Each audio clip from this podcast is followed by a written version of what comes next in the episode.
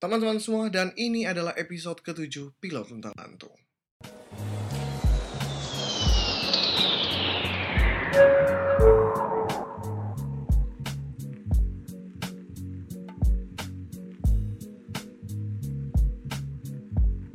Oke teman-teman semua, balik lagi sama gue Ender Putri Ramadan Dan ini adalah Pilot Luntang Lantung episode ketujuh So di samping gue sekarang ada beliau ini Teman diskusi gue, mentor gue Eh, Kebetulan beliau juga bokapnya teman gue Jadi gue udah kenal beliau dari zaman gue kecil Belum bisa bawa pesawat Sampai sekarang gue udah bisa bawa pesawat Gue masih seneng main ke rumahnya, diskusi, ngobrol bareng So, Om Nanu, eh, say hello to the listeners Halo, selamat sore para listeners pilot Lontang Lantong. Siap. Ya, apa kabar? Nah, mudah-mudahan semuanya baik ya Om ya. Ya, nah, Alhamdulillah, insya Allah. Gue akan bacain sedikit nih. Gue ini buat bukti buat kalian semua. Bu, dedikasi gue ke pilot Luntang Lantung. Gue nggak pernah ngadirin narasumber yang kaleng-kaleng. Nah, ini gue bacain sedikit profil Om Nanu. Beliau ini alumni Curug tahun 76. Itu course berapa tuh Om? Penerbang berapa tuh Om? Eh, dulu namanya LPPU, LPPU ya, ya. Eh, enam- 1975 saya di wisuda November 1976. 76. Jadi it was eh 44 tahun yang lalu. ya. 44 tahun yang lalu. Belum pernah lahir. ya. 44 tahun yang lalu eh, angkatan ma- 24. 24 ya, ya, angkatan 24. Sekarang tuh Curug bisa lo cek di WP mungkin udah 6 oh 70 mungkin ya, udah 70-an. Beda-beda dikit lah. Nih, gue bacain sedikit profil singkatnya Om Nanu ya. Jadi tahun 77 Om Nanu mulai masuk di Garuda Indonesia ya Om ya. Ya, Itu tahun 77 sampai tahun 79 Garuda Indonesia eh, sebagai First Officer Fokker 28. Kebetulan ini gue pegang CV-nya Om Nanu nih, gue bisa punya deh pokoknya. Terus 1979 sampai tahun 81 itu DC9 First Officer di Garuda Indonesia juga. Lalu di tahun 81 sampai tahun 88 eh, F- Captain Fokker 28. Di tahun 1989 Fokker 28 oh ini di Korean Air tahun 1989 jadi kalau zaman sekarang pilot-pilot uh, baru pada keluar negeri karir negeri Om Nanu udah tahu dari tahun 89 di luar negeri ya? Ngampung, ngampung di Korea Selatan dulu. di Korea ya. Lalu di tahun 90 sampai 92 737 400 dan 500 ini captain route instructor simulator instructor dan company check pilot Terus di tahun 92 sampai 97 itu Captain Airbus 300 600 di Garuda Indonesia. Tahun 93 sampai 97 Captain Airbus B4 dan juga route instructor di Garuda Indonesia. Nah, tahun 97 sampai 2005 ini Garuda Indonesia oh, udah mulai pakai pesawat yang modern 330 eh, 200 dan 300 Captain. Nah di tahun 2005 ini hijrah lagi nih om ya ke Yemenia ke Yemen. Iya, iya. Dulu eh, Air Yemenia itu eh, kotanya tepatnya di Sanaa. Itu masih damai waktu itu. Sekarang kan perang tuh yang di bergejolak. koordinir Skatana. Dulu aman, aman, damai, senang dia. Kita dengan beberapa instruktur Garuda eh, dikirim ke sana karena waktu itu eh, Republik Yemen itu beli ya saya lupa 5 atau 4 pesawat A330 tapi pilotnya belum ada. Armada dia itu punya 737 sama Airbus 310. Nah, untuk mengoperasi dan melatih mereka kita berdelapan instruktur A330 Garuda dikirim semua ke sana bergantian. Dua, dua gitu. Nah lanjut lagi tahun 2006 sampai 2009 oh in between tahun 2005 Om Nanu best employee bahkan di Garuda. Eh, Jadi fully dedikasi emang berdedikasi tinggi lah beliau ini. base employee itu ada kategori eh, apa ya pilot atau kategori nah saya kebetulan Kebetulan. kebetulan terpilih jadi base employee untuk kategori pilot, ya Oh, Jadi sekali lagi gue nggak salah milih beliau sebagai narasumber. Berikutnya tahun 2006, 2009 hijrah lagi balik lagi ke Korea tapi di perusahaan yang berbeda di Asiana Airlines bawa 330. Iya, waktu itu kalau boleh bilang eh, 2006 ya. Dan 2010 sampai 2000 itu 2009 tuh eh, di Garuda semacam surplus. Oke. Nah, kita boleh cuti di luar tanggungan perusahaan. Terus tapi ada yang juga full keluar dari Garuda eh, apa eh, pensiun dini lah istilahnya. Nah, saya Di tahun itu banyak emang banyak apa geng yang eksodus yang pada pindah-pindah semua itu. Iya, sebelum itu ada yang ke Malaysia, ada yang ke Korea, ada yang di Saudi, banyak sekali. Karena eh, Garuda tanda kutip surplus pilot lah ya. Nah, saya dengan beberapa kapten ke Asiana di kota Seoul, Korea Selatan. Nah, terbang, terbang eh, di. Sambil menunjukkan bahwa kualitas kit pilot kita itu Nggak kalah Ya, juga nggak sama kalah. expat- nggak kalah. yang Memang ada, lain. ada filternya ya cek yang banyak dan banyak yang berguguran banyak banyak eh, sisi yang membuat untuk memfilter tuh tapi ya alhamdulillah karena Allah ya bisa lewat dan eh, pengalaman bagus banget tuh waktu di sana tuh nanti pada kemudian hari setelah itu ya saya kan melatih lagi instruktur lagi di Garuda Balik lagi. ya. Saya bisa eh, apa ya meng, meng- apa memindahkan knowledge yang saya alami karena kalau dibandingkan Asiana dengan Garuda ada beberapa first officer, captain yang kita training. Bagus mana sih antara Asian Airlines atau Air Yemenia dengan eh, Garuda Indonesia? Jawabannya ya anu eh, susah menjawabnya. Tidak ada yang satu in case some, cas- some cases Garuda lebih bagus. Eh, Asiana atau Air Yemenia atau dulu tahun 89 Korean Airlines lebih bagus, Garuda lebih bagus ya. Kita ambil aja yang yang kayak kita bergaul dengan orang aja. Tapi nggak menutup kemungkinan pilot-pilot Indonesia juga memang kualitasnya sama bahkan lebih bagus dari pilot-pilot ya ini apa kadang-kadang kan dianggap bahwa kalau pilot bule ini kayak lebih keren ya kan dibandingin ini. itu dia Itu itu, yang dia repot itu, kan itu saya nggak setuju banget dan itu terbukti di sana eh, pilot-pilot kita Nggak kalah juga. nggak kalah. Itu yang kebetulan di sana tuh mungkin eh, banyak pilot-pilot Garuda yang hebat-hebat yang Garuda di Indonesia yang di Garuda yang gabung Asiana. Banyak sekarang masih rata-rata udah jadi instruktur udah jadi pensiunan semua ya. nggak kalah nggak kalah. Nah, setelah setelah selesai di Asiana di tahun 2009, 2010 Om Nanu balik lagi ke Garuda sampai sekarang eh, balik ke 330 flight instructor system, flight instructor aircraft dan company check pilot. Total perkiraan jam terbangnya 27.700. Waduh. Iya, That's a lot of number. iya iya nah, Om, sebelum kita ngobrol lebih lanjut ke hal yang lain-lain, satu pertanyaan, is this your dream? Untuk jadi pilot dan berkarir sampai di usia ya udah mau pensiun kan bisa dibilang gitu. Iya, saya insya Allah Juni nanti 64 tahun usia. Kalau ini dream atau tidak, eh, terus terang bukan, bukan, bukan. Saya lulus eh, sekolah lanjutan atas itu tahun 74 ya. Saya ke Bandung, ke Bandung. eh, waktu itu saya ingin mendaftar di satu, satu perguruan tinggi teknik di sana. Nah, ditemani oleh teman saya. Dalam rangka ikut bimbingan tes di Bandung, jalan-jalan, itu ada pendaftaran eh, apa namanya penerbang Garuda yang akan dikirim katakanlah ke Oxford itu. Nah, idaman saya waktu itu, waduh, bukan pilotnya, waduh dikirim ke Oxford, UK. UK, Inggris bos. nah, seneng juga dan dan semacam beasiswa. Oke. Jadi kita dikontrak 10 tahun, nggak boleh keluar, kalau terima nggak bayar. Dibanding kalau saya kuliah kan pasti keluar biaya. Itu aja pertimbangannya, sederhana. Jadi cari yang gratis, terus waduh.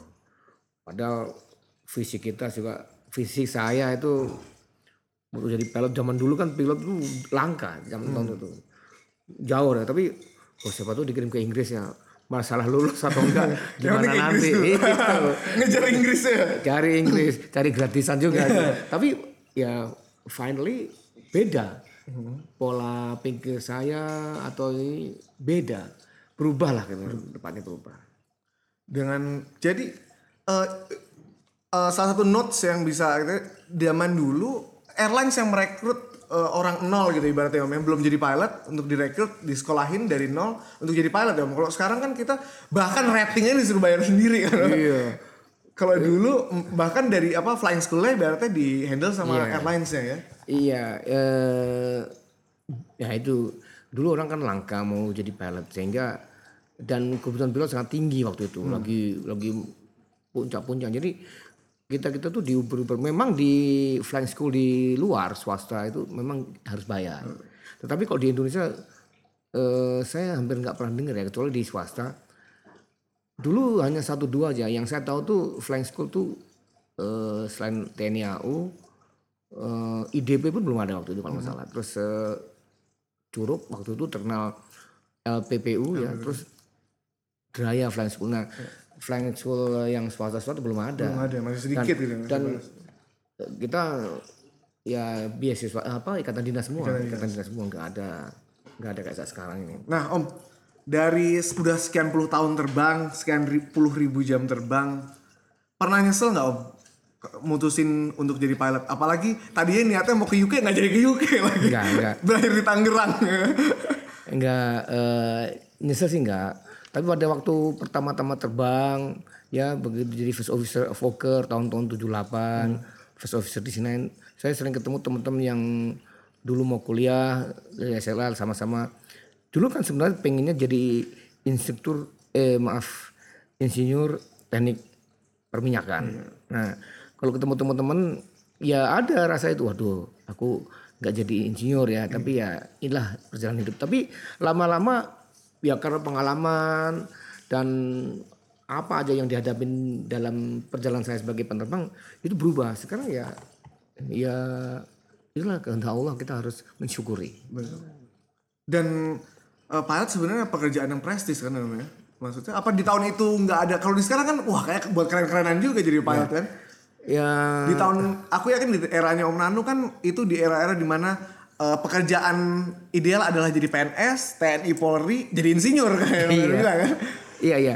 Eh, pilot waktu itu belum ya belum Nggak begitu booming gitu ya. berapa tahun setelah saya masuk pilot memang pilot itu jadi ideal karena anak muda dengan relatif initial salary-nya lumayan lah dibanding dulu orang yang cita-citanya lulus SLA kuliah di kedokteran di tukang insinyur dan lain-lain.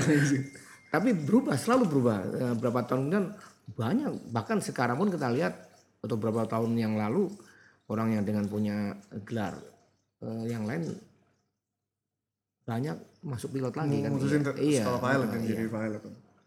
Nah Om dari sekian tahun terbang, ini aku sering juga tanyain kenal sumberku yang lain dan bisa di share caranya gimana. Om Nanu pernah ngerasa jenuh nggak sih? Eh, ya wajar, sebenarnya wajar ya namanya itu rutinitas ya dari Iya. itu kan suatu rutinitas. Dan eh, gimana cara ngatasin kejenuhan gitu? Ya, jenuh pernah, jenuh eh, terutama ke rute ya. Tapi kalau mau terbang katakanlah eh, atau ngajar ngajar terbang atau terbang biasa, kita waktu itu terbang katakanlah ke eh, Surabaya atau ke Medan atau ke luar negeri ke mana setelah zaman-zaman belakang ini ke Sydney, sekarang terbang lagi. Terus besok ke sana lagi, minggu depan ke sana lagi. Wah, bulan depan ada jadwal ke sana lagi. Ada aja nuh. Nah, cara kiatnya untuk mengatasi itu saya pin- eh, cari gini. Oh, di sini ada apa ya? Atau eh, di rumah makan biasa di sana oh di sana ada makanan apa apa yang enak yang yang di Indonesia nggak ada ya, menikmatin ya, aja ya. gitu. atau eh, saya cita-cita atau berginan wah sampai sini nanti setelah istirahat nginap jalan-jalan ke Darling Harbor atau Hmm. ke mana sambil olahraga sambil atau ke Jeddah gitu ya. Saya bayangin orang mau umroh aja eh, susah ya daftarin umroh. Biaya tinggi. Biayanya tinggi. daftar sekarang berangkatnya mungkin 4-5 bulan. Lah saya ini jadi tugas saya pinggir dulu. Saya cari untuk mengatasi kejenuhan nih loh orang lain ke Masjidil Haram atau ke Masjid Nabawi susah. Saya ini udah diajak ke sana. Dibayar. Dibayar dikasih disiapin semua kok nggak mau wah senang saya gitu. Itu. Nah itu kejenuhan itu teratasi. Bisa dinikmatin aja Iya, sebenarnya. iya. Nah Om, kita akan review kembali soal karena Om ini ibaratnya terbang di dua masa nih. Masa ibaratnya masa zaman analog nih masih Iya. kuno lah ibaratnya sampai sekarang ma- zaman modern. Digital. Zaman digital. Iya. Zaman Om Nanu masih ke mana-mana bawa manual book yang tebel-tebel sampai sekarang cuma bawa iPad gitu ibaratnya. Nah, kita akan coba bandingin Om. Gimana sih training pilot zaman dulu sama zaman sekarang? Ada nggak sih bedanya? Eh ini training anu sistem ya bukan kualitas ya. Ya. Kalau kualitas eh, tidak bisa dibedakan.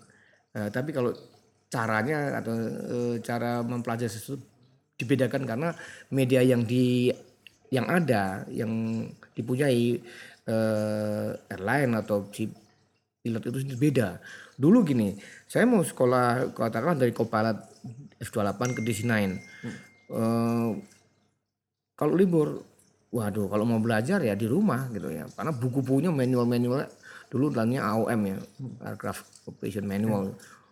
Bah- Bukunya tebel-tebel, belum ada approach chart, belum ada macam-macam. Itu ada lima, enam buku dibawa ke mana. Sekarang eh, anak-anak muda saya kan ikut itu manual manual FCDM, FUM, wah approach chart dan lain-lain itu eh, ada dimasukkan dalam satu iPad. Jadi kita katakanlah jalan-jalan di pegunungan atau kolam renang berhenti bentar neduh sebentar buka iPad bisa semuanya. dikirim. iya apa Anytime aja. bisa ini. anytime. Nah di situ. Tetapi kalau kualitas zamannya beda. Karena eh, apa eh, alam yang dihadapi beda. Kayak kayak dulu gini dulu traffic itu nggak sebanyak sekarang. Jadi kewaspadaan alertness itu beda Eh, apa dulu dengan sekarang dulu, dulu mungkin agak santai ya. Traffic satu dua. Sekarang masih eh, ya sedikit lah populasi pesawat mungkin. iya i- betul betul. Sekarang eh, katakan approach di suatu negara yang padat atau di dalam negeri Jakarta ada jam-jam 7 pagi atau jam 5 sore. Itu nggak kayak dulu. Eh, wah kuping mata Koordinasi itu iya. dituntut, dituntut buka lebar-lebar gitu. Nah, tadi kita bicara soal trainingnya Om. Nah sekarang gimana dengan pesawatnya Om Nanu? Aku yakin terbang eh, kita lo bisa cek sendiri tadi pesawatnya Om Nanu yang gue bacain itu Fokker 28 dan DC9. Kalau DC9 tuh lo bisa lihat fisiknya tuh di Museum Transportasi Taman Mini tuh ada DC9 tuh. Iya. Lo bisa lihat kokpitnya itu pesawat sama lo bandingin kokpit Airbus. Ya, Airbus yang zaman sekarang gitu ya 330, 320. Lo bandingin. Itu pesawat tahun kiplik dan Fokker 28 di sini itu semuanya masih pakai jarum, masih eh, manpower lah. Iya, gitu. itu kalau pilot-pilot eh, teman-teman yang senior-senior, oh itu pesawat dari kayu katanya. Pesawat dari kayu bahkan. Iya dalam tanda kutip dari kayu. nah Om, Om Nanu ngalamin semua zaman tuh dari Fokker 28, dari DC, DC9 sampai sekarang bawa pesawat modern. Apa yang membedakan Om? Dan gimana kualitas pilot? Bukan kualitas ya, dalam arti gini. Om Nanu ibaratnya berpengalaman bawa pesawat pesawat kayu aja Om terbangin gitu, Iya. apalagi pesawat yang modern. Iya. Nah, coba Om cerita sedikit soal pesawat jadul dan pesawat sekarang. Iya kalau kualitas memang tidak bisa dibedakan ya kayak eh, pesawat tempur atau pesawat transport hebat mana beda. Nggak- nggak ada Ininya beda, barang- iya eh, rentangan yang dihadapi juga beda katakan eh, perang di kota, perang di hutan hebat mana, susah mana beda. Nah sama eh pilot pesawat kayu, pesawat kayu zaman dulu yang eh, analog-analog itu eh, kita lebih banyak mengandalkan naluri, feeling dan lain-lainnya. Pilotnya tetap. Nah, zaman sekarang itu hampir semua pesawat mm, eh, based on automation. Jadi use autopilot as much as autopilot, auto throttle dan lain as much as possible. Kalau dulu mungkin pernah dengar ada instruktur yang terbang sampai 6.000, 10.000 paket manual baru boleh autopilot. Sekarang wah kalau bisa airborne 5 detik eh, di on kalau autopilot ya. Dan itu tidak salah. Itu itu memang SOP-nya begitu. Jadi hebat mana? Loh, terbang manual itu juga susah. Automation automation juga susah, sama. Enggak segampang tinggal pencet gitu doang. Iya, untuk pendahulu sama. Untuk yang udah lama, udah berjam-jam dan udah mau belajar. Manual udah dia puluhan tahun ya mudah. Automation yang udah puluhan tahun ya mudah juga gitu ya. Jadi memang anu, alamnya beda uh, uh, yang dihadapi. Ya. cuman ya itu tadi satu based on eh, apa manual naluri feeling kalau sekarang automation, system ya knowledge ya gitu aja Nah, eh, ini juga buat gambaran buat teman-teman ya mungkin yang dengerin ada yang nggak semuanya pilot gitu. Eh, autopilot itu tidak semudah itu, tidak asal pencet terus pesawat terbang sendiri, landing sendiri bos. iya. Jadi eh, tolong hapuskan pikiran-pikiran itu. Pilot itu tetap terbang bos di depan walaupun ada autopilot. tetap di maintain, tetap dimonitor pesawatnya. Nggak segampang yang kalian kira bos. Iya, eh, terbang automation memang tidak mudah. Ya, tetapi juga bukan hal yang menakutkan kalau udah menguasai nyaman. Nyaman Iya, tapi memang pesawat makin lama makin teknologi dibikin lebih bagus, lebih nyaman, lebih aman gitu kan. Ya. Karena apa mempermudah pilotnya juga apa workload si pilot jadi Iya, eh, manageable. iya. Nah, mm, sekarang eh, kita bahas mengenai eh, career di airlines ya. Ya, Om Nanu eh, kan instruktur, cek pilot, airlines kita akan bahas satu-satu. Tapi pertama kita airlines dulu karena eh, aku yakin nih teman-teman yang dengerin ini banyak yang mungkin eh, sudah di airlines apalagi menuju proses di airlines. Sebenarnya pilot yang seperti apa sih yang ideal untuk masuk di airlines dan di hire sama airlines? Apakah cukup dengan pinter aja? Apakah cukup dengan uh, jago take off landing gitu ibaratnya? Atau apakah cukup dengan bapaknya uh, ternyata pejabat dia jadi langsung masuk gitu kan? ya eh, ideal tuh kayaknya ya dia lulus satu fisik dan reha- sehat jasmani rohani ya. Dia dia mengerti dunia apa yang dihadapi dia akan dimasuki pilot. Nah dia harus eh, siap semuanya eh, pengetahuannya dan networknya dan di pilot sekarang tuh ada namanya CRM jadi eh, perilaku itu juga aptitude knowledge dan lain-lain itu eh, perlu nah makanya nggak pernah berhenti belajar pilot itu. Jadi kita masuk oh, alamnya tes aeronautical ini ini ini. Nanti sekolah co-pilot masuk rating ini ini belajar sampai teman-teman atau kita pun sampai tua ini ada yang namanya professional check, prof check atau type rekan tiap enam bulan. Itu kalau nggak belajar eh, ya agak repot. Dia dia harus belajar. Jadi even uh, meskipun dia bulan atau akhir tahun ini pensiun total 60 atau 65 tahun, dia tetap harus belajar. Harus em, updating knowledge dia. Jadi apa istilahnya eh, never, Never ending never study ending ya. studies tuh. Iya. Quotes yang gue selalu umumin di episode ini gue dengar pertama dari Om Nanu, pilot is never stop study gitu. Awalnya gue cerna nih gila udah dari flying school digeber belajarnya. Saat unemployed aja saat kita kayak kondisi luntang lantung gini lah ya mungkin ini.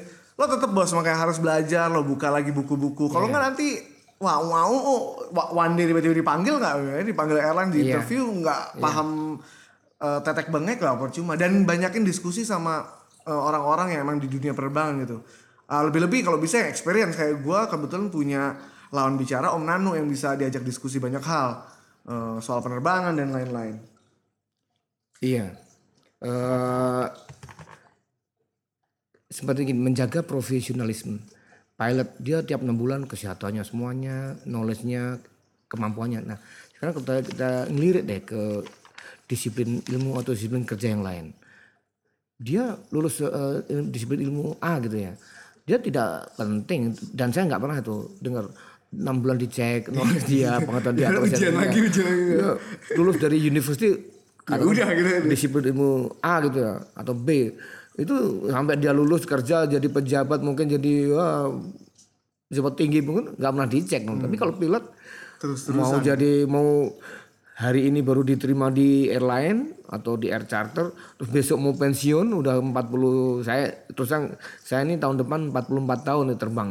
Itu ya tetap aja dicek, Dicek. ya kan? Nggak peduli gitu ya Eh, karena ini eh, real time ke safety. Safety ya. Dan that's why dibilang penerbangan adalah eh, eh, moda transportasi paling safe dibandingin moda transportasi lain. Karena dari segi awaknya aja dalam hal ini ya pilot eh, contoh eh, ininya simpelnya. Knowledge-nya dicek kesehatan dicek semua segala macam. Jadi eh, mental fisik knowledge tuh balance harus dipunya pilot Gajinya nggak pernah dicek. nah, makanya gajinya mahal ya. Om.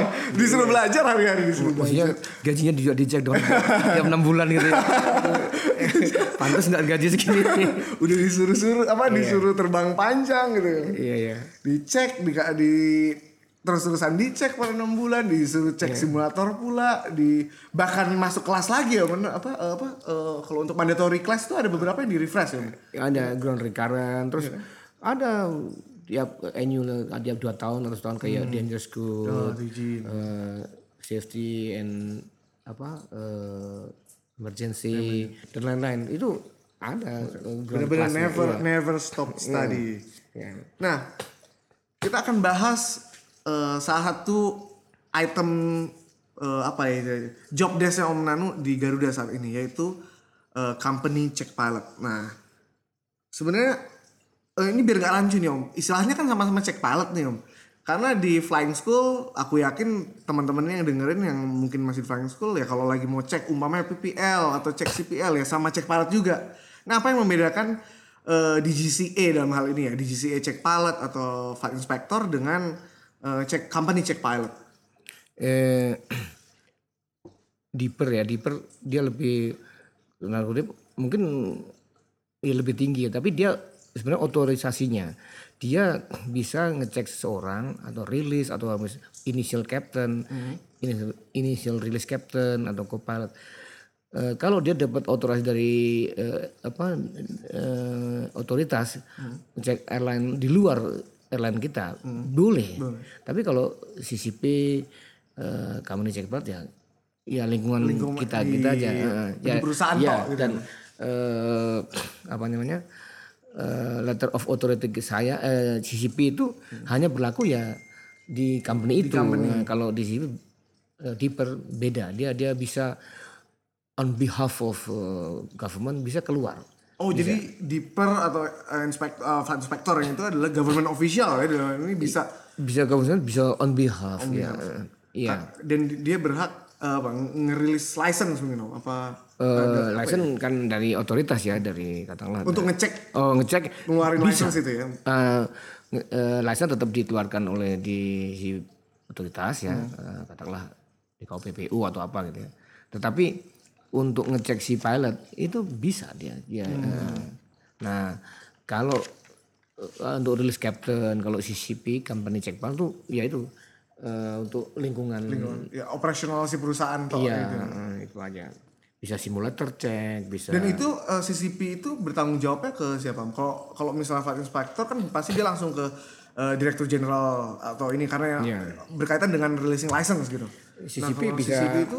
bertanggung jawab ke atasan dia, chief pilotnya Chief dia. Pilot, tipe lebih lebih ke atas lagi bisa manager of uh, flight operation Hmm. atau director of operation perusahaan itu. karena memang uh, CCP bertugas untuk ibaratnya ngecekin pilot-pilot yang beroperasi di perusahaan itu gitu Iya, bisa ngecek flight, route, atau uh, simulator, uh, ada untuk yang uh, apa zero flight hours itu ya, ZFTT, iya.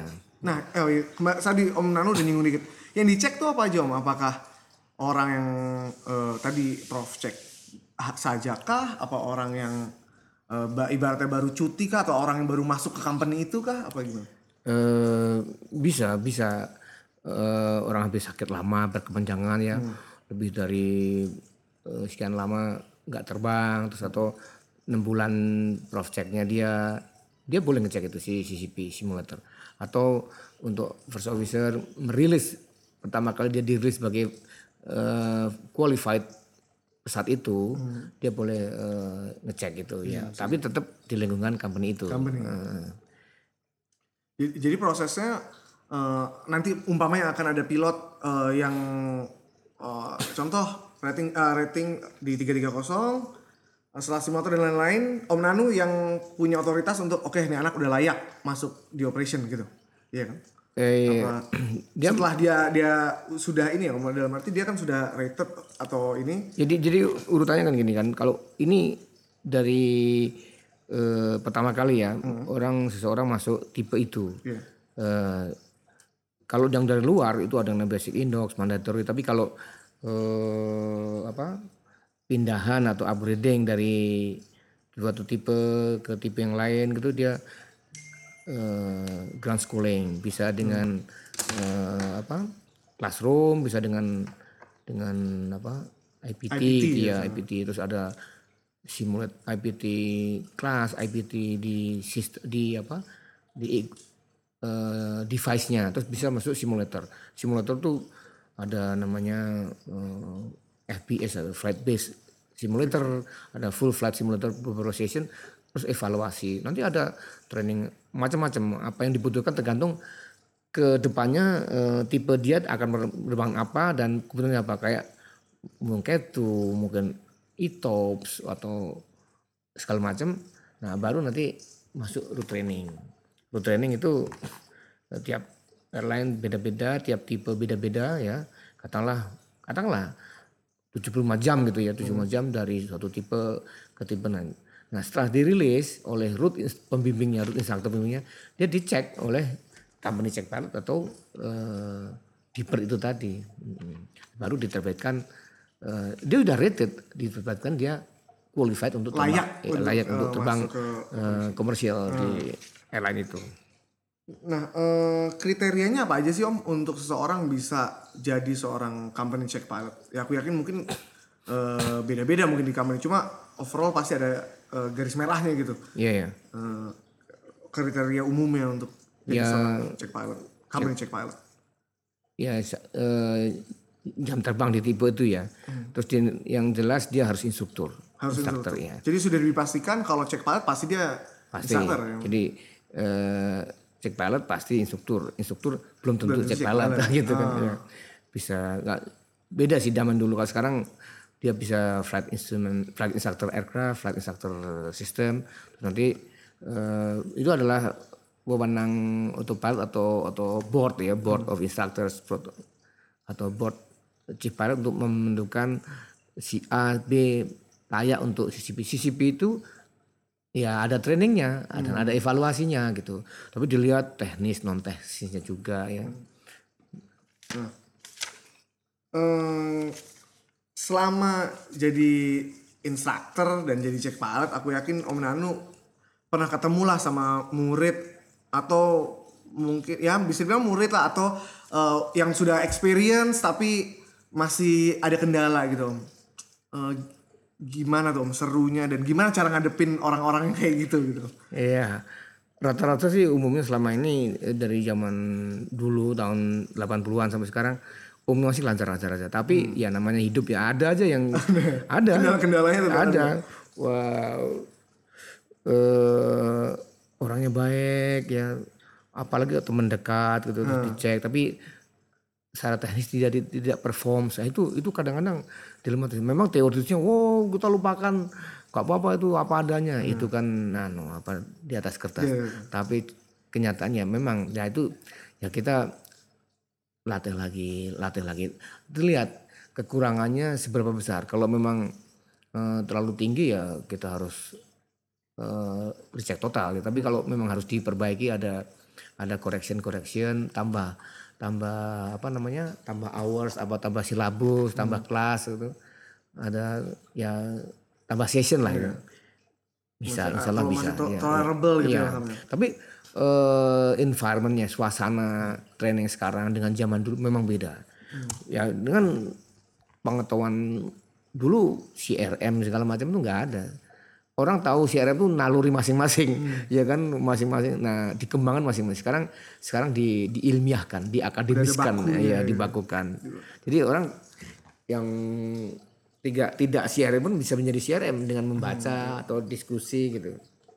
Jadi nyaman lah makin makin ke depan makin insya Allah lebih aman dan lebih nyaman Nah itu gimana tuh perasaannya kalau yang harus dicek adalah teman sendiri dan udah sama-sama kenal ibaratnya gitu ya. Ya, Satu nggak apa-apa. sisi ya teman tapi kan as a professional you are the check pilot gitu kan. ya ya tapi yang jelas lebih santai Nah, Oke. Eh, bukan bukan santai dalam arti Terus santai asal-asalan total gitu ya ya. ya santai itu artinya nyaman ya dia beda kan waktu umpamanya eh, saya di saya pun di- dicek juga kan banyak dicek di Garuda atau di mana gitu ya dengan orang dicek beda dengan di Yaman atau di Asiana dicek dengan orang yang sama sekali nggak tahu dia beda suasana hati, itu Hati ya. beda Apa, iya, beda lingkungannya iya. kan memang suasana nah, tuh. sebalikannya kalau kita yang melakukan eh, conducting check kita juga beda Hmm. Betul. tapi eh, lebih lebih enak jadi dia berarti performnya bagus nah kalau itu tadi kalau bagus ya ya kita bilang bagus kalau kurang tapi jarang ya karena di pesawat wide body ini dia rata-rata jam terbangnya udah puluhan ribu juga jadi jarang saya Emang experience lah ya. Eh, dia training kayak apa pun, terbang kayak apa pun, cuaca dia pernah mengalami sama dengan saya. Jadi atau senior-senior yang lebih hebat-hebat. Tetapi eh, jadi kendala-kendala itu dia udah tahu. Jadi failure rates itu lebih rendah dibanding dengan eh, waktu pertama kali.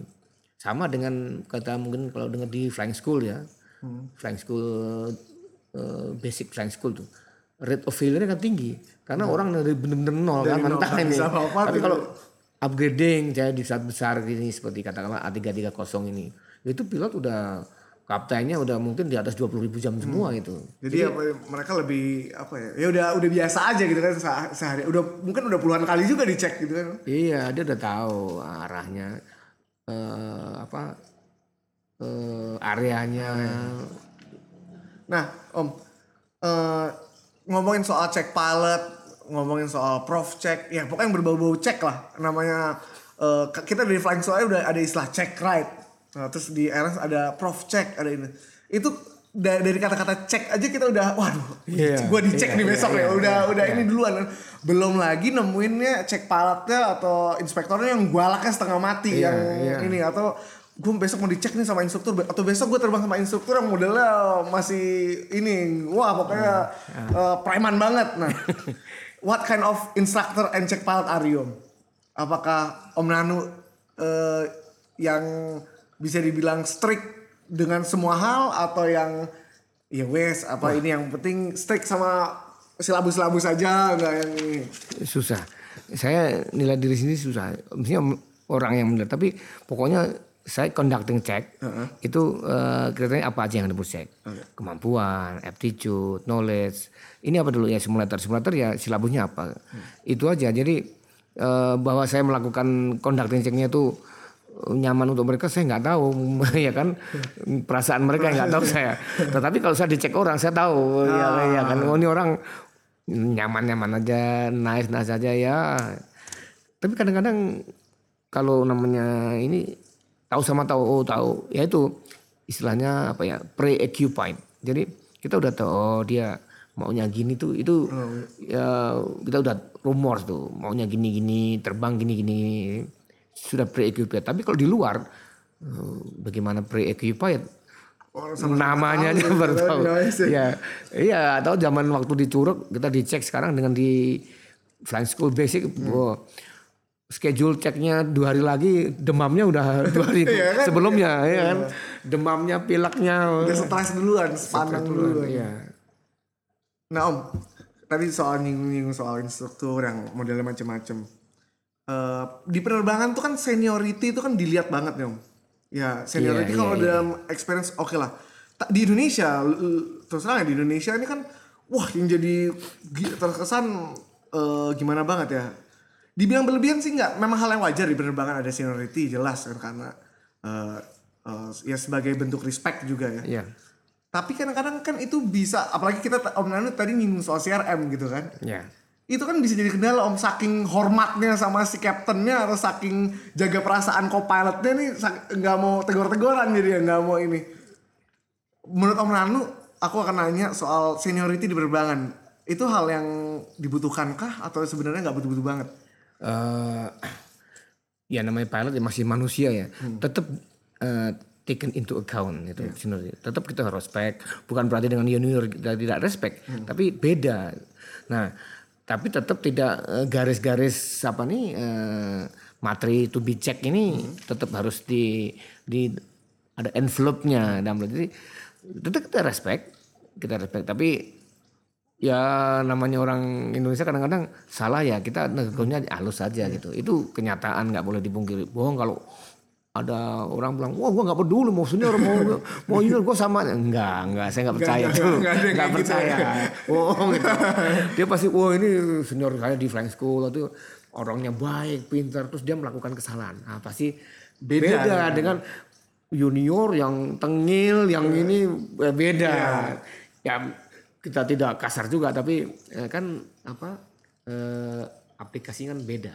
Jadi tetap manusia dipandang tapi tidak eh, tidak berlebihan gitu. eh, eh, tidak signifikan tetap materi eh, ceknya situasinya tetap di nomor satu di highlight Nah, tadi beberapa kali Om Nanu salah satu item check dan beberapa kali mention soal attitude.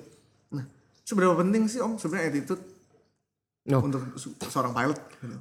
kalau saya bilang malah paling penting ini Paling penting. Iya paling eh, attitude basic ya attitude terus emotion control dia Nah, sharing sama kita Om nih pilot-pilot muda yang dengerin. Iya. Nah, lu jangan cuma belajar jepesen doang bolak-balik attitude nih juga harus Iya. dibetulin.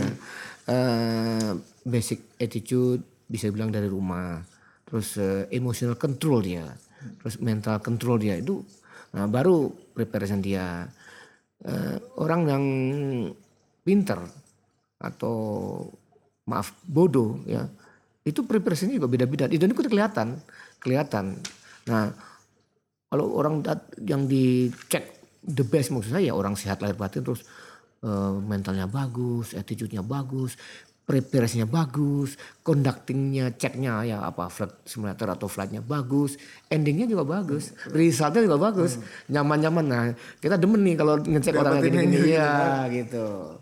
Sampai kadang-kadang orang yang senior, gua yang lebih santun daripada kita, katakanlah uniform aja. Ada ada juga dalam istilah penerbangan itu kita uniform ya. Ada eh, katakanlah gini, using saya pernah ada orang seseorang pilot dulu ngecek pilot dia nulis eh, apa komplain using uniform at ease artinya seenaknya diperhatikan itu perhatikan Hal kecil itu ya. Iya. Nah kalau pilot pinter, knowledge-nya pinter, tapi prepare karena pinternya dia prepare-nya seenaknya terus gayanya jamnya datang mepet, dasinya dipakai sambil terbang, eh, celananya hitam, kaos kakinya hitam yang lasnya tinggi terus kaos eh, sepatunya terus kaos kakinya abu-abu gimana kita udah udah ini udah Udah udah udah nyaman Iya, udah bener-bener. nyaman Belum iya. ngapa-ngapain aja udah kelihatannya udah gak enak sebenarnya. Iya, ya gitulah. Eh, apa gondrong. Dulu ada berapa batasan rambut kru. Ini kayak gitu-gitu Hal sepele ya sebenarnya ya. sepele tapi mempengaruhi eh, conducting check ini nggak nyaman. Si cek pilotnya juga nggak nyaman itu. Iya. Tapi bukan, bukan berarti waktu itu langsung fail nggak juga. Iya. Tapi itu salah satu poin yang diperhatikan sebenarnya. Iya, dia tahu tuh ceknya bagus segala macam. Ya sudah, terus selesai ya kita ingetin aja nanti lain kali ini eh, kru itu pilot apalagi itu kayak role modelnya. Jadi tolong di ya dilihat nih kaos kakinya, rambutnya, bajunya. Ya. Makanya Garuda tuh dan beberapa lain bagus. Itulah gunanya seragam, ya kan? Ini emang seragam ya dipakai secara proper gitu. Iya. Dikasih lagi kan. Iya, itu itu mempengaruhi performance. Performance itu kan bukan hanya knowledge dan dan apa ya kemampuan. Performance fisik, Appearance gitu ya. appearance itu itu semua. Apalagi di Garuda sebagai flag carrier gitu. Ibaratnya bawa merah putih nih tanggung jawab ya kan. Iya, betul betul. Be- Berat juga kalau dipikir-pikir. Nah Om tadi kan sebelumnya pas aku bacain profil Om, CV Om, em, aku mention sedikit kalau Om pernah karir di eh, luar negeri nih. Nah sebenarnya ada nggak sih Om hal-hal spesifik yang harus disiapin untuk pilot-pilot khususnya orang Indonesia yang pengen berkarir di luar negeri gitu? Eh eh, ya persiapannya si pilot itu pertama tujuannya apa dulu dia? Satu tujuannya misinya di sana tuh harus punya yang kuat tujuannya ke pindah ke luar negeri. Tapi saya sarankan ya yang penting dia kalau bisa in command dulu di Indonesia. Karena rata-rata di luar negeri itu dari first officer di-upgrade ke pilot in command captain itu lama jadi prioritas belakangan ya semacam eh, ya, bukan warga negara kelas 2 tapi belakangan Kurang dianggap lah ya Iya, iya. Jadi kalau bisa eh, captain in command baru pindah. Terus setelah mempelajari tujuannya apa, kedua eh, environment di sana kayak iklimnya gimana, bahasa gimana, eh, kultur orangnya di sana gimana. Terus udah itu baru kita eh, training training method, training silabusnya bagaimana, terus daily operasinya bagaimana, rutenya. Kita kenal terus kehidupan di sana, makanannya kadang-kadang kadang-kadang religi kita kaitan itu, itu nanti mempengaruhi betah tidaknya kita di sana gitu. Eh, itu penting di John. Teman-teman ayo pindah ke negara X ayo gede ini. Nggak cuma mikirin gaji Iya, doang sebenarnya bisa ada dulu baru berapa bulan udah udah udah udah udah apa ya lonely udah udah mulai jenuh bosen iya Eh, banyak hal-hal yang tidak diperhitungkan sebelumnya gitu. Dulu om untuk pindah ke sana jadi jadi ini nggak om? Eh, patokan oh udah ada orang Indonesia nggak di, di sana? Enggak enggak saya enggak nggak ada gitu, ngeliat. gitu. Iya, karena kan kadang-kadang eh, itu buat kalau ada komunitas orang Indonesia di sana kan kita ngerasa jadi lebih nyaman gitu kan? Iya. Enggak enggak ada itu. Enggak enggak. nggak jadi nggak Tapi itu dilihat juga bagus juga sih ya. Tapi enggak enggak enggak saya lihat itu. nah jadi eh, intinya sebenarnya orang Indonesia pun bisa aja terbang di luar negeri ya om? Eh, sangat bisa. sangat bisa Sangat bisa ya. Tapi ya itu tadi setelah orang itu memperhatikan semuanya iklimnya, suasana kulturnya, makanannya, eh, pola kerjanya, trainingnya. Nah setelah dia paham dan dia ngerti, dia pahami, nah nggak ada masalah, nggak ada masalah. Kalau teknis hampir more or less hampir sama. hampir sama jadi malah maka yang lebih perlu dipelajarin ya yang soal non teknisnya justru kan Iya. soal kultur nah ada nggak sih om kultur-kultur kayak contoh aja dua negara yang om pernah ke sana kan udah di sana kayak di Yaman dan Korea mungkin kalau Korea orang sama-sama tahu ya mereka kan apa ya hierarki itu dikedepankan banget di sana kan Iya. kayak agak-agak kayak Jepang nah kalau di Yaman ceritain sedikit om soal pengalaman om di Korea dan di Jep- ah, di mana? Yaman yang mungkin beda banget nih sama modelnya kayak di Indonesia gitu. Eh Yaman dengan kita ya so-so juga. Ada plus minusnya ada cuman environmentnya. Sanaa katakanlah eh, apa eh, cuaca yang kadang-kadang ekstrim terus elevasinya yang sangat tinggi beda 7.300 atau berapa itu ya lupa terus eh, destinasi route, route kita ke waktu itu masih aman semua ya kayak ke Jerusalem, eh, ke Beirut, ke negara-negara Afrika yang oh, banyak lah asmara yang ada satu negara yang saya sendiri baca aja oh, namanya airportnya itu asmara gitu. saya nggak tahu itu. Atau dapat saya pelajari oh di sini tuh tempatnya kayak gitu. Tapi eh, seperti penerbangan charter itu banyak hal-hal yang eh, tidak dapat di dalam eh, saya dapat di regular route atau commercial route daripada Garuda. Nah kita dapat terus kalau eh, penduduk zaman saya saya, saya perkataan saya itu kayak kayak negara-negara eh, Timur Tengah yang lainnya ternyata agak lebih maju Saudi ya kalau saya lihat ya. Terus eh, ke mana lagi? Ke Korea. Kalau Korea lah kita some cases dia lebih maju tetapi some cases kita lebih baik juga. Ada juga Eh, jadi nggak melulu di negara maju masih lebih bagus sebenarnya nggak juga ya betul enggak dan apalagi soal eh, capability ya enggak juga. Jadi plus minus. Ada yang dia lebih bagus ada yang kita lebih bagus. Nah eh, bisa om kasih apa ya om ya?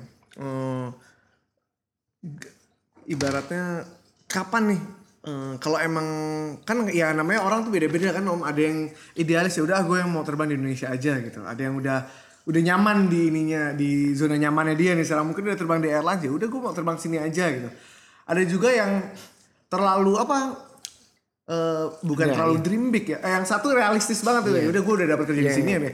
Ada yang mungkin dia ter- selalu kepacu termotivasi. Oh ngeliat nih orang kayak terbang di let's say lah. Ada beberapa company yang jadi patokan kayak contoh aja Emirates, Etihad, Qatar tuh kayak orang wah gue pengen banget nih terbang di sana. Nah eh, Om bisa ngasih saran gak sih seberapa perlunya kita berkarir di luar negeri kah atau Iya. kapan kita bisa berkarir kapan kita ya udah kalau eh, right time ini kapan aja sih atau Iya. anytime sebenarnya bisa eh, kita bisa aja begitu langsung ke sana gitu apa gimana? itu tadi tergantung apa yang kita cari ya jadi eh, belum tentu orang di luar tuh mohon maaf cari uang. Enggak belum tentu. Saya lihat beberapa satu dua. Dia ada yang menjajal kemampuan atau eh, gimana sih terbang belasan tahun di Indonesia? Bukan hanya di Garuda loh. Bukan dari dari Garuda ada di luar. Eh, jadi kalau dia mencari makanya ada yang tidak mau keluar dia sudah dapat apa yang dia cari buat apa? Dia katakan dia pengen nyaman-nyaman aja oh udah cukup ya buat apa keluar gitu ya.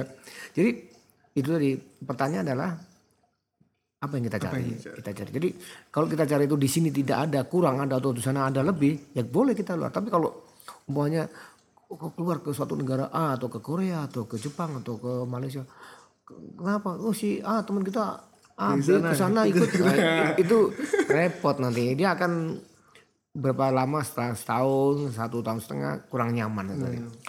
itu ada itu kelihatan itu Jadi putusin matang-matang sebelum kita sendiri ya ya kita dicari apa yang perlu. Emang kebutuhannya apa gitu. ya crew briefing dengan keluarga dulu lah Hmm. nggak melulu soal terkesan ya kayaknya di sini ya soal penghasilan juga udah cukup baik lah di Indonesia kan om sebenarnya ya dibanding ya mungkin ya plus minus tadi ya apa yang mau dikejar ya. Kalau melulu soal uang ya juga nggak melulu soal uang kadang-kadang ada yang digaji gede terus tapi jauh dari keluarga buat apa juga sebenarnya kan? Iya betul. Nah nih om, ini ada dua kasus yang eh, lagi apa ya ini eh, common discussion di akhir-akhir ini. Eh, satu adalah soal ri- eh, rilis dari Boeing soal eh, eh, kejadian 737 Max sama Corona. Kita akan bahas ya secara global aja gitu loh. Satu dulu yang soal om ini kan praktisi, om bisa ngeliat lah kualitas pilot.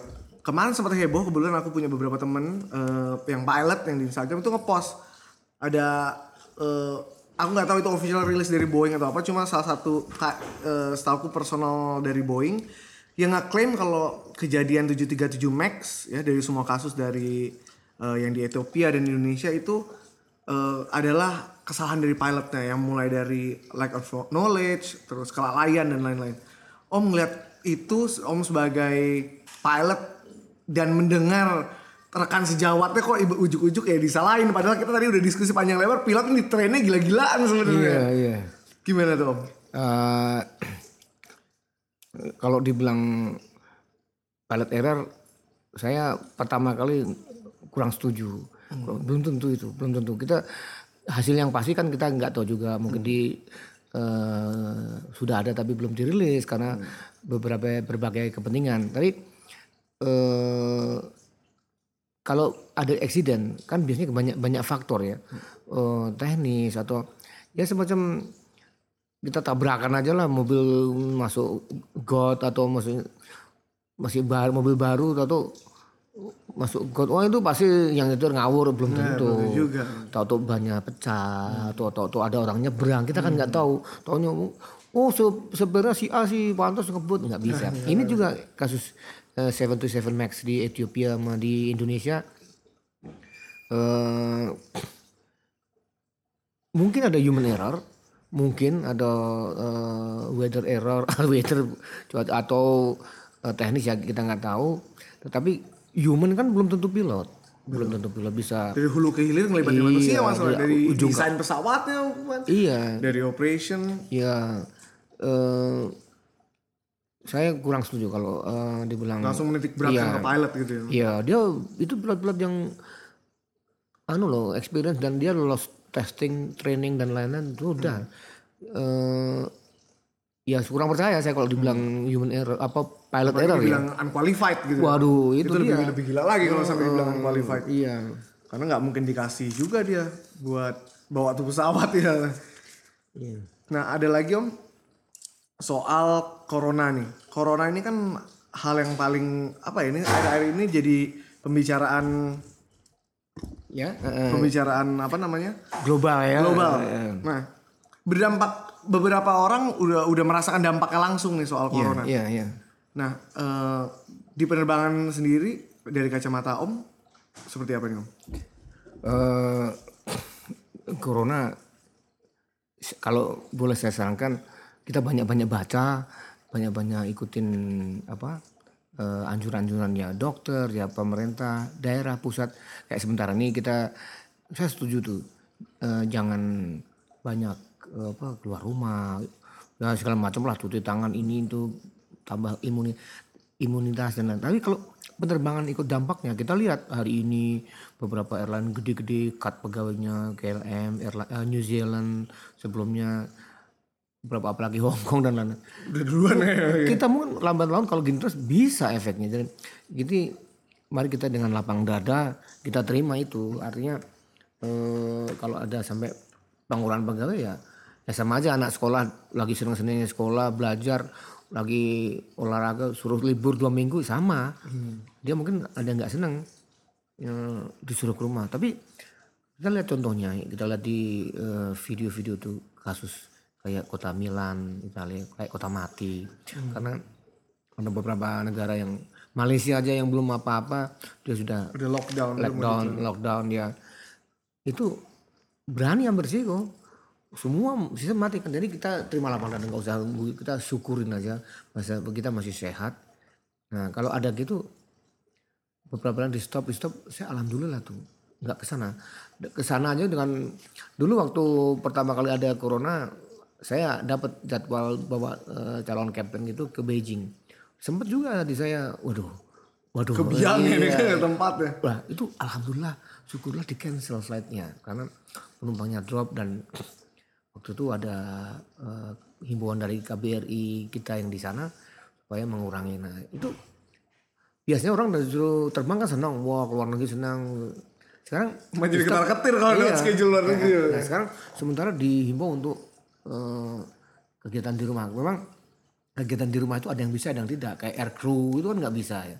Tapi dengan dikurang ini kita minimal minimal berkurang risikonya. Setuju itu, setuju banget. ya.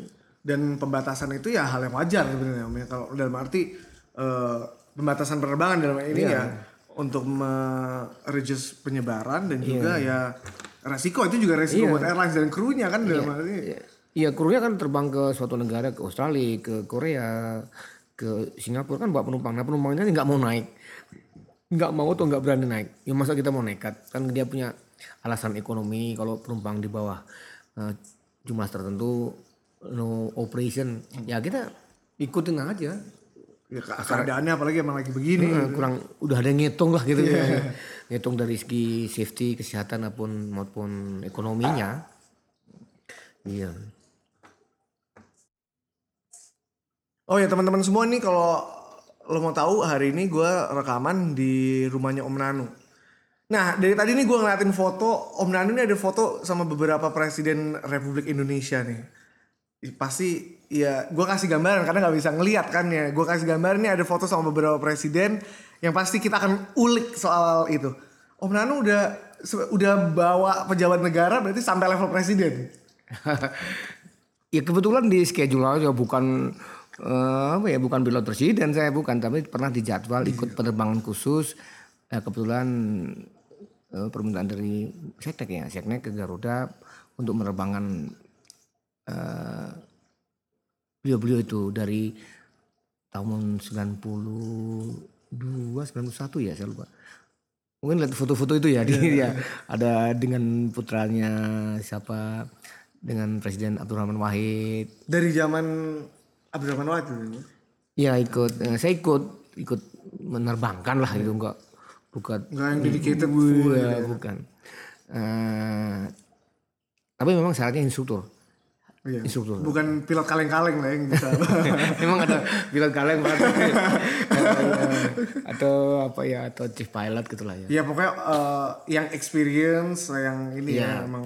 Ibu Megawati terus terakhir Presiden eh, Susilo Bambang Yudhoyono ya ikut ikut ini aja ikut menerbangkan beliau ya ya nice untuk pengalaman hidup saya nggak akan hal-hal yang menyenangkan tuh yang saya terbang ke daerah-daerah yang nggak mungkin diterbangkan dengan pesawat dengan schedule reguler dari Garuda. Ke mana aja tuh om yang paling aneh dan pengalaman yang paling menyenangkan dan unik gitu kan. Kita tahu bawa RI 1 bos ya. Iya, bang, ada bangganya, bangganya, tapi ada tanggung jawab, ada deg-degannya juga. Kadang-kadang dijadwalkan untuk eh, protokoler jam protokoler itu terbatas. Wah kita harus mempercepat, memperlambat di sana suasananya. Terus kadang-kadang uncertain kondisinya.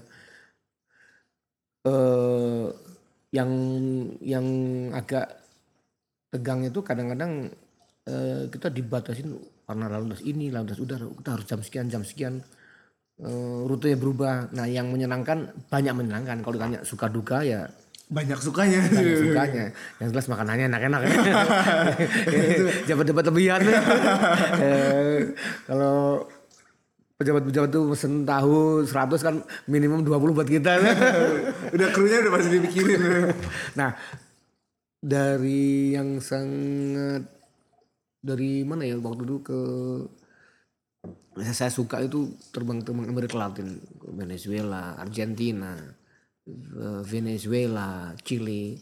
Waktu itu dengan Presiden Abdurrahman Wahid, terus dengan daerah-daerah negara-negara yang kurang berkembang, kita lebih lebih maju kayak eh, Bangladesh dengan Ibu Megawati dengan Pak Susilo, saya terbang ada rasa eh, tanggung jawab gitu ya, tanggung jawab di luar sebagai penerbang. Eh, wah ini ini eh, state flight nih penerbangan kenegaraan ini kan ya. kalau orang ini jangan main-main ini tapi eh, apa eh, kadang-kadang dengan beliau-beliau itu kan tahunya di koran di mass media gitu. Terus suatu ketika eh, saya ke toilet atau ke mana gitu kan. Eh, wah ini dekat dengan dengan distance-nya dengan orang yang apa Di ring satunya lah. Oh, satu ada bangga dan ada waduh jarang-jarang nih dan Dan nggak semua orang bisa ngalamin tidak itu. semua pilot mengalami Khususnya pilot, ya. iya gitu jadi uh, it was nice ya. dan nggak terlupakan gitu Hmm. Nah, kalau kita lihat nih pada pas penyambutan eh, kenegaraan gitu ya pada saat presiden khususnya presiden Indonesia datang, itu pesawat itu pasti ada benderanya biasanya itu Om ya. Itu yang masang sebenarnya siapa tuh? Om? Dan apakah dipasang dari bawah apa, apa gimana? Kalau Leo lo bisa lihat mungkin di YouTube atau apa lo lo perhatiin mereka kan pasti protokol tuh pada siap-siap pesawatnya belum nyampe dia udah siapin red carpet segala macam. Di pesawat ya pasti ada bendera biasanya ya. bendera negara itu dan merah putih kan Iya, iya. merah putih. Iya. Itu yang masang sebenarnya siapa? Pilotnya Pilot yang bertanggung jawab buat itu. Iya memang ada yang nanya itu masanya gimana waktu landing kan kamera TV biasanya kan nano apa Iya kan biasa dari jauh udah ini kan berusaha berarti nggak ketahuan dong ya. Iya. Ini ya cara masangnya gimana? Ya, Jadi uh, setelah landing uh, taxi speed kita ada jarak itu tertentu ke apa upacara point of ceremonialnya. Nah kita gantian masang. Kan enggak, tapi itu Iya, udah di- kiri kanan disiapkan uh, negara negara uh, apa uh, tujuan negara putih sebelah mana kiri kanan jangan sampai terbalik dan waktu mau desain dipasang gitu umpamanya gitu. Dan, dan kita saya juga nggak hafal tapi punya listnya negara ini eh, apa namanya bendera kayak gini gitu jangan sampai Salah kebalik. hampir pernah. Kayak umpamanya contohnya bendera apa ya yang hampir sama hmm, Korea lah gitu ya. Kalau merah putih putih merah sih kelihatan kebangetan Oh lambang India Korea Iya. beda tuh kan. Korea kan putih terus eh apa ya tengahnya kan ada. bola ya. Ya, bola. Nah, bola itu basicnya kan merah dan biru kan ya. Pertanyaannya Yang di biru tuh di atas merah kan ya. Biru kan, Ya hal kecil. Pernah dipelajari nggak sekolahnya? ya, aku pun lupa. Nah, iya, itu kita punya anu checklistnya. Oh, yang bener kalau kebalik Bisa malu ya. iya, kayak Indonesia dengan apa Monaco kan kebalik. Kalau itu itu masih bedanya kelihatan. kelihatan dengan Polandia sama persis. Kita pernah ke Polandia tahun 2013 ke Warsawa. Nah itu enak. Kiri kanan sama. Nah, balik aja. Iya. Nah tapi kalau umumnya gitu tadi negara Korea benderanya Wah ini bolanya merahnya di atas di bawah. Hal kecil itu tuh. diketawain itu. Bukan hanya diketawain. Habis itu udah Iya. bisa bikin malu presiden. Failure itu umpamanya gitu. Ini yang lucu-lucuan aja ya. Jadi sepanjang karir nih Om kan udah mau masuk eh, masa apa eh purna bakti lah ibaratnya Iya, ya iya. di tahun depan. Sepanjang itu yang berkesan Om dari dari sekian puluh ribu jam ngajar dan lain-lain bawa pejabat negara bahkan apakah bawa para pembesar-pembesar ini jadi salah satu hal yang tak tidak terlupakan Om? Ya itu termasuk yang nggak terlupakan. Tapi yang paling men- menyenangkan tuh gini, eh, kalau suatu ketika saya punya student ya, eh, itu terkenal sudah dicap bahwa dia tuh sulit, atau tapi sulit.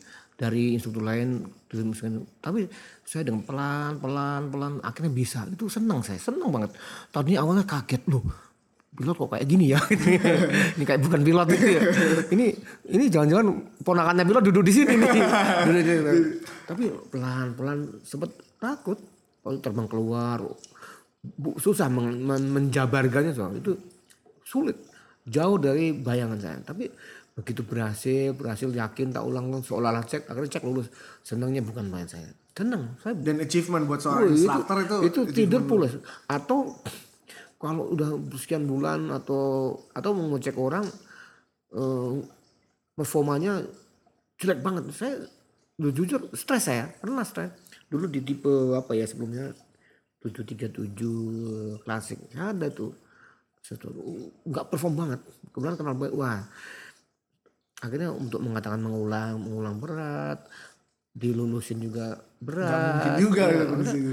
nambah tapi dengan dengan ya dikuat-kuatin harus ditambah tambah nah itu bisa. Nah kedua pernah juga eh, ada murid pernah mengalami operasi mohon maaf ya operasi di daerah kepala yang fatal itu tadinya baik ya tapi begitu terbang itu pelupanya luar biasa. Dan memang berikutnya eh, apa eh, semacam memorinya itu hilang-hilang terus. Itu landing ini hampir mendekati bayar ya nggak berani nggak berani merilis. Artinya nggak berani. Akhirnya diambil instruktur lain berhenti konsult konsultasi dokter lagi. Nah ini eh, itu sempat anu juga saya waduh kasihan kasihan. Tapi eh, safety is not kasihan ya nggak ada toleransi lah ada buat toleransi ya. Heeh. Tapi sebagai manusia, waduh ini karirnya dia kan, pasti semua pilot pengen jadi captain atau apa gitu di akhir masa eh, apa karirnya gitu. Tapi ini berat, nah itu yang kadang-kadang kendala, sedih. Senangnya kalau anak yang itu tadi nggak bisa menjadi bisa, atau eh, apa ya hmm, cuaca gitu ya. Cuaca ada rasa senang juga. Suatu itu dia terbang satu airport di luar bagus bagus. Alternate-nya ya alternate-nya mungkin untuk yang awam tuh kalau kita tidak bisa mendarat tujuannya A. Kalau tidak bisa mendarat kita ke airport B. Nah, itu namanya alternate. Alternate. nah waktu waktu berangkat dari eh, apa keberangkatan stasiun keberangkatan itu cuaca bagus. Begitu mau turun ke airport A destinasi jelek jelek jelek jelek, jeleknya parah. Nah akhirnya B masih bagus. Akhirnya pada saat menjelang kehakisan kita harus lari ke B. B itu mendadak jelek juga gitu. Ya jelek dan lalu banyak banget banyak waduh itu ya itu segala macam doa dikeluarkan tuh. Pilot juga manusia. Pilot juga manusia. Nah begitu ikut ini ikut kita udah bilang bahan bakar kita segini gini ada prosedurnya ya sama uh, statementnya tuh ada phraseology statementnya ada. Nah begitu udah cuacanya limit banget limit landing itu wah puji syukur sama Allah. Dan senangnya bukan main. Itu nah itu kan jadi itu termasuk apa ya? Suka apa juga suka ya. Iya suka nah itu. Di- walaupun diawali dengan kengerian gitu ya. iya dan itu nggak sekali yang kalau airport itu nggak sekali. Itu apa itu hal ya itu kayak komitmen Iya. sama diri sendiri. Pilot tuh kita ibaratnya eh, nyawanya udah setengah dipotong setengah gitu kan. Iya, iya, jangan banyak masalah keluarga ke terbang. Ini Oh ya itu iya. sebenarnya. Nah, Ini gimana dong pesan apa?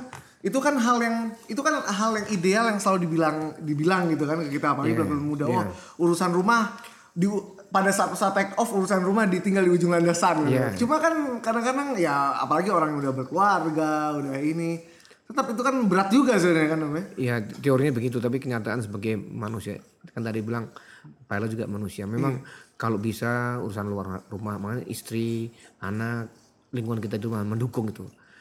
Eh, lepaskan dari beban itu. Memang tidak bisa terbang cuaca buruk, pikirannya cicilan, anak sakit, istri, aduh ini apa. ya harus bisa melupakan. Apalagi kalau kondisi begitu lagi dicek lagi. Aduh, iya, udah dicek instruktur galak lagi. Jadi ini kan. Iya. Nah itu sebenarnya nih Om, eh, sorry Paul, Seba- Om sebagai cek pilot ya, bisa nggak Om ngelihat ini orang pasti lagi banyak pikiran nih sebenarnya. kelihatan. Bisa kelihatan nih. kelihatan, maksudnya. kelihatan. Dia pernah ngadepin kayak gitu? Oh, sering, Sering sering. gitu. Dan itu kadang-kadang lupakan bahwa ini chat. Nah, Kadang-kadang iya. nyaman aja, bikin nyaman sama sama baru ini. Atau kadang-kadang biasanya penerbangan itu kan eh, dua leg atau tiga leg itu cek tuh. Ya, ini penerbangan pertama anggap aja pemanasan gitu ya pulangnya. Tapi kalau dalam initial take off climb dia udah mau cruising, ngobrol, minum. Pilot tuh kan anu terus terang aja makan bareng kan nggak boleh. Kalau minum bareng kan boleh. Harus ada beda waktu berapa menit dan kalau bisa beda menu. Kadang-kadang kadang-kadang eh, apa ya makan biasa dia makan kita makan kue-kuenya ngobrol makan bikin nyaman nyaman Biar relax, iya nggak berasa kayak dicek iya. lah sebenarnya. Maunya dia cerita waduh kayak ini apa eh, adik saya ini ada saya kadang-kadang dengerin aja dengerin aja. Kita kayak dokter kayak gitu. Dengerin, oh iya wah bagus. Mau- saya kasih contoh kadang-kadang ngarang juga. Umpamanya eh, adiknya atau anaknya gitu ya nilainya jeblok tiga empat itu ya terus atau eh, istrinya atau apanya lu sakit. Saya bilang loh itu ada tuh saya kenalan. Itu nilainya kalau dia bilang empat anaknya dia dua gitu ya itu lebih parah gitu. You're not alone gitu. Iya, you're not alone, even worse. Atau ini sakit, ini sakit lagi, wah dia nyalam berobat, minta minta Allah. Agamamu apa? Oh, agama ya kalau memang Islam berdoa Islam. Berdoa tuh kan katanya kayak atau Katolik atau Kristen atau Hindu kayak orang naik sepeda. Naik sepeda ke suatu tujuan. Kalau nggak suatu sampai ke suatu tempat, kayuh terus, kayuh terus. Belum nyampe, kayuh terus, kayuh terus, doa terus, doa terus. Nah, itu saya pernah tuh ada eh, calon kapten terbang ngeluh.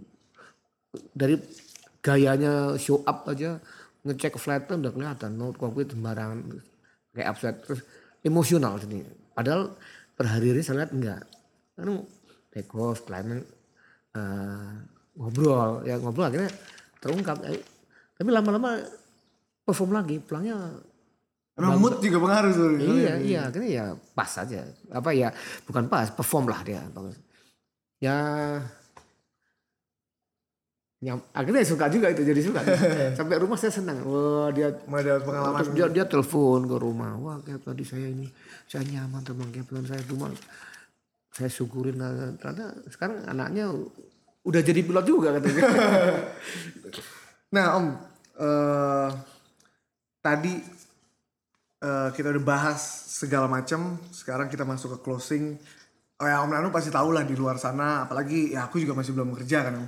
Di luar sana masih banyak pilot yang Epinisio yang Belum dapat belum dapat kerja, masih nganggur. Ini Eh, ya ini eh, pukulan buat kita ya pukulan. Tapi pasti setiap orang punya cara yang beda-beda ya buat. Eh, Om Nanu kasih pesen dong buat teman-teman di luar sana yang mungkin masih belum kerja sampai sekarang. Eh ya, ini eh, memang banyak alumni-alumni yang yang apa eh, belum dapat kesempatan untuk ikut gabung di airline. Memang eh, bukan salah pejabat ngomong, tapi memang prediksinya nggak pas. Jadi kayak gini, beberapa tahun saya lupa ya berapa tahun empat enam tahun yang lima empat tahun bahwa ada pejabat yang mengatakan Indonesia butuh penerbangan sipil kira-kira 600 orang per tahun. Memang iya mungkin waktu terus dikarenakan eh, akhirnya banyak apa eh, belasan flying school yang ya dengan produksi alumni sekian banyak di di lain sisi banyak airline yang mungkin menyerap eh, kawan-kawan yang apination tapi lebih berkurang seperti eh, kita lihat Mandala Airlines tutup Merpati Batavia banyak lah ya eh, apa ya eh, Star Trek dan lain-lain nah ini jangankan menyerap pilot mereka kan juga Juga butuh di butuh- lagi. Iya, jadi eh, daya sebetnya, eh, daya sarapnya berkurang banget. Nah ini eh, keadaan ini dulu terjadi tahun 94, 93 ya pernah terjadi pilot lulus curug dari curug jadi pelatih renang tiga tahun tahun. Tapi percayalah eh, ini ini cobaan, jaga mental tetap, tapi keep on eh, watching, keep on monitoring tentang teknologi penerbangan, keep update. Jadi belajar knowledge yang kita dapat tetap bergaul. Nah sementara mencari eh, kesibukan atau rezeki ya dengan cara apa aja masing-masing. Nah tetapi pengetahuan kalau memang masih ingin jadi pilot, pengetahuan tetap dijaga, ikutin penerbangan, ikut member-member ikatan penerbang Indonesia atau apa aja, ikut grup-grup pilot supaya kita tidak ketinggalan. Terus tetap jaga kondisi eh, sehat lahir batin. Terus updating, ikutin aja, ikutin aja. Nanti insya Allah eh, badai ini berlalu gitu ya. Jadi Semua akan indah pada waktunya. semua indah pada tapi tetap jaga eh, kesehatan lahir batin dan knowledge kita knowledge yang kita dapat ya dari langsung sama nama-nama kita bergaul dengan pilot kan nambah itu kalau eh, kita umpamanya tahu cara menggoreng kita berempat nih tahu cara menggoreng tahu. Satu tahu hanya itu aja. Tahu yang kedua tahu membuat tempe. Ketiga cara bikin pisang goreng. Keempat cara bikin rempeyek umpamanya. Kalau sendiri kan ya dari Cuma akhir tahu satu-satu tahu doang, aja. nah. yang si B juga gitu sampai akhir tahunya bikin tempe ya, dan seterusnya. Tapi kalau kita bergaul diskusi begitu keluar dari diskusi dari perkumpulan itu nanti si A itu dia tahu bikin tahu tempe pisang goreng sama rempeyek.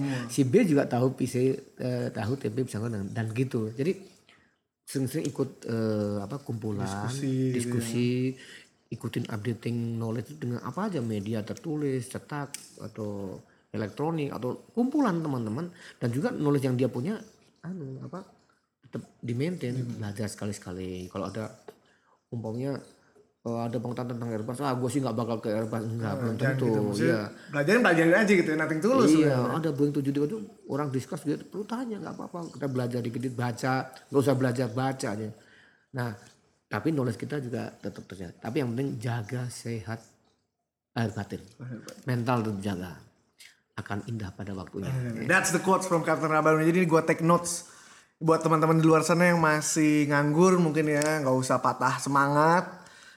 Tadi eh attitude itu penting banget buat pilot. Jadi lo mau pinter kayak apa kalau petandang petenteng ya Number one, number one. Number one bahkan tuh. Ini yang ngomong langsung cek pilot. Jadi beliau kalau mungkin kalau ngecek ah nih nih FO petandang petenteng udah ditanya au au ya udah dicoret aja.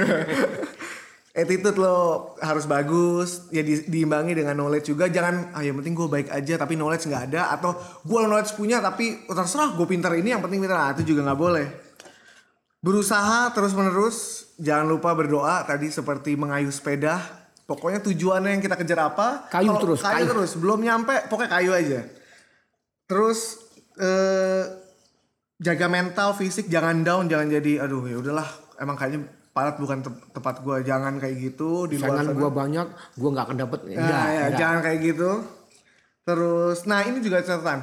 Eh, mungkin di luar sana bukan berarti pilot harus mainnya sama pilot doang, enggak. Cuma kalau pilot bermain sama pilot juga, kita bisa diskusi hal yang sama di dunia yang sama dan bisa eh, saling nambah knowledge gitu. Salah satu eh, poin plusnya adalah kalau kita belajar sama pilot ya bisa tukar pikiran satu sama lain. Tadi seperti contohnya Om Nano bilang, kalau gue bisa eh, apa goreng tahu, lo bisa goreng singkong, abis kita Rempeyek. eh, ada yang goreng rempeyek, abis kita selesai ngobrol, gue gue bisa tahu, goreng tahu singkong sama rempeyek, lo juga dapat semuanya, nggak nggak cuma satu-satu aja. Betul, tapi kalau nggak ngobrol, kita sampai akhir tahunya bikin tahu doang. Ya, Nah, ya kan. Jadi di eh, ngobrol boleh lo mau hura-hura, mau nongkrong di cafe nggak apa-apa, mau live musikan sekalipun nggak apa-apa, tapi tetap ada nilai plusnya lah, paling nggak diskusi sedikit-sedikit yang tipis-tipis, ya kan. Terus cari kesibukan yang emang bermanfaat lah ya, bisa bisa lo ambil manfaatnya, entah itu uangnya kan, entah itu lo dapat knowledge dari situ. Pokoknya itu beberapa quotes yang gua take notes dari diskusi hari ini sama Om Nanu.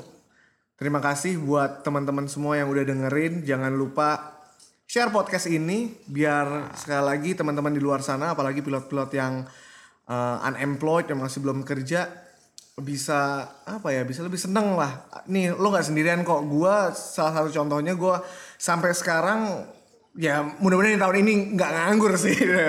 sampai sekarang gue masih unemployed tapi gue nggak pernah merasa minder karena buktinya nih gue bisa sama CCP gue aja ngobrol kayak gini sambil ngopi kita sambil makan tahu goreng jadi bisa santai aja dan jangan pernah minder jangan pernah malu untuk buka forum untuk bicara duluan Ya. terima kasih gue Andar Putri Ramadan dan Terima kasih eh, buat yang mendengarkan. Mohon maaf kalau ada kata-kata yang saya kurang berkenan dan terima kasih atas eh, bersedia waktunya untuk mendengarkan. Tetap jaga mental, semangat, tetap belajar. Keep on study. Nah untuk senior-senior saya, salam hormat dari saya. Tetap semangat, tetap sehat. Terima kasih. terima kasih Andar Putri Ramadan dan Captain Rahbanu Sumartono signing out thank you